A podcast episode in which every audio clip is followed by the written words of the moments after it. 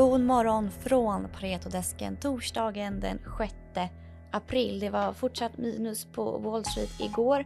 S&P för handel stängde på minus 0,3% Nasdaq minus 1,1% men Dow lyckades eh, däremot stänga över nollan och stängde på plus 0,2% Det är ju påsk och det är mycket påskledigt ute på börserna. Det är halvdag idag på börsen och imorgon är det stängt.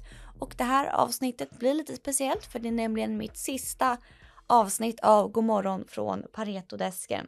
Jag började ju här på Pareto för tre år sedan och sedan dess har jag i princip varje morgon sänt Godmorgon från Paretodesken och pratat eh, case och analys. Så det blir lite speciellt och lite sorgligt att det här är sista avsnittet. Men Paretodesken kommer fortsätta såklart och kommer göras utav mina kollegor istället. Så se till att prenumerera så att ni får en notis varje morgon då vi släpper ett nytt avsnitt där vi pratar case och analys och vad vi på Pareto har gått igenom på morgonen. Jag kommer att eh, vara kvar på Pareto och börja som aktiemäklare istället. Men Paretodesken fortsätter såklart och med fokus på poddformatet så se till att eh, prenumerera på podden och den finns överallt där poddar finns.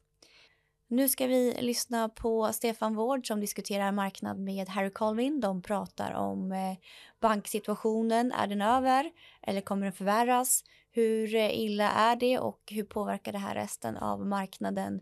Och hur påverkar det här rapportsäsongen? Det är ju snart ny rapportsäsong. Hur är förväntningarna på den och hur ska man tänka? Ja, jag lämnar över till Stefan och eh, Harry.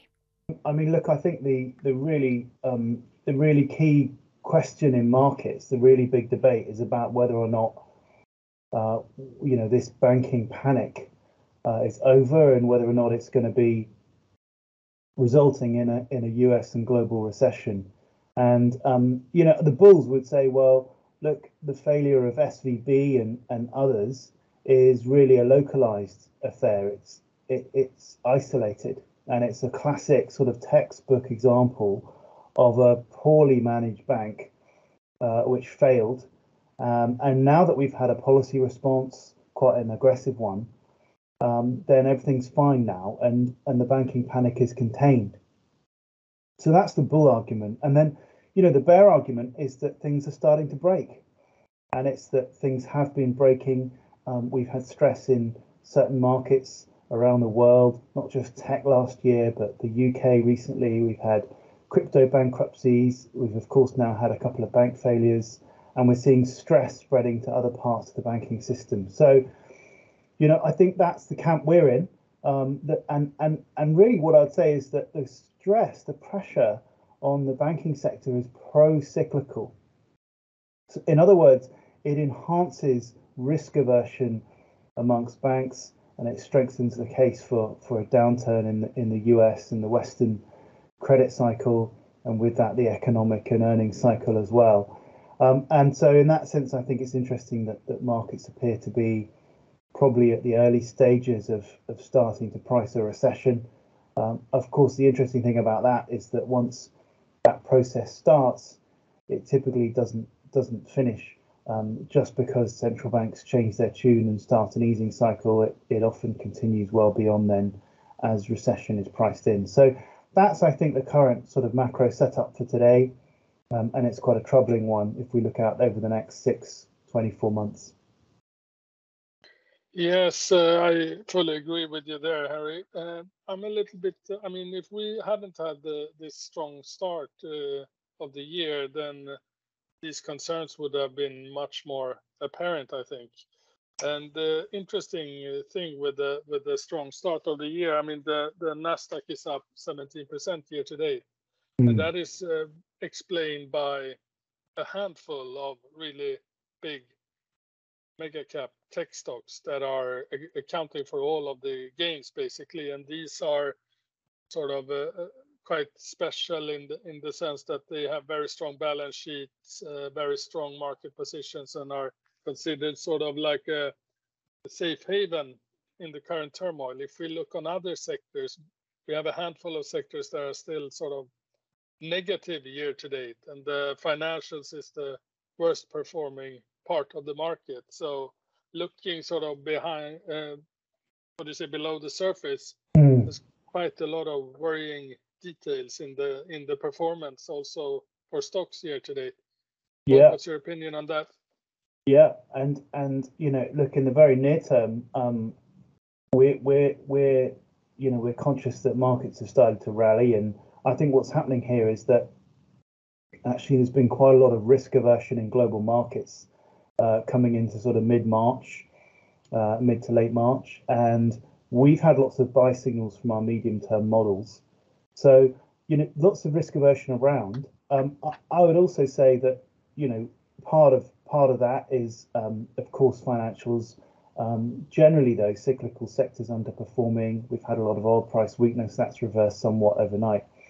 Um, we've had strength in gold. You know, there's been a lot of risk aversion. So our models have been actually generating buy signals in the in the near term. Um, this is really a positioning story, and I think this partly explains why we've had such a large rally in the last week or so. So I think the rally is on positioning. We've also had a strong policy response. There's been a lot of liquidity injected by the Fed, um, banks using the discount window, and, and so on. So there's lots of policy support. There's risk aversion. Uh, there's a FOMO type rally that is playing out in the near term, and probably carries on for a little bit longer, at least until our medium term models move back up to sell levels. So that's, I think, the near term setup. But I should stress it's distinct to the longer term outlook, which is a it's, is one of deterioration and tightening credit conditions and um, and and probably an an, a, an imminent recession beginning at some stage later this year. Mm. It will be hugely interesting to hear what corporates has to say. I mean, the reporting season starts in just a couple of weeks, and they the tone and the outlook there will be quite interesting, right? Absolutely, and and earnings have been shrinking. Let's not forget, you know, er, earnings have turned lower. Um, I think the, the contraction phase has begun, and increasingly the risk is that um, earnings are going to be surprising to the downside. Margins are under pressure. Corporate sector confidence uh, is very low.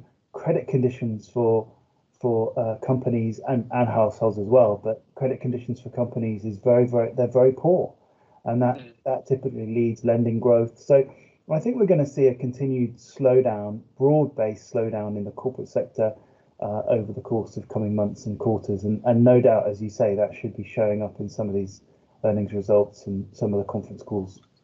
Do you think the market has revised earnings enough? I mean, we've seen earnings continue to come down, but uh, in my view, it still looks like we're a bit uh, lofty on 2023 earnings for the for the market as an aggregate? Yeah, I think they need to go much lower. Um, you know, normally in a recession, you would expect earnings to shrink um, somewhere b- uh, between 15 to 40 percent, depending on the depth of the recession. Uh, I believe we're, you know, we're five percent, a bit more off the highs. And if you look at the forward consensus, 12-month forward consensus earnings expectations, so yeah, I think we need to go much lower on on earnings expectations, and we need to see see earnings properly contract. Uh, so yeah, I think this is a big problem for the market, especially given the sort of lofty valuations that we've got, particularly as a result of, of expensive the expensive tech sector. Ja, spännande diskussion. Vi kommer ju fortsätta att diskutera det här på Paretodesken som vi släpper varje morgon, ungefär runt öppning. Så fortsätt att lyssna på oss och eh, se till att prenumerera så blir vi väldigt glada. Jag önskar er en riktigt glad påsk och tack för de här månaderna vi har spenderat tillsammans.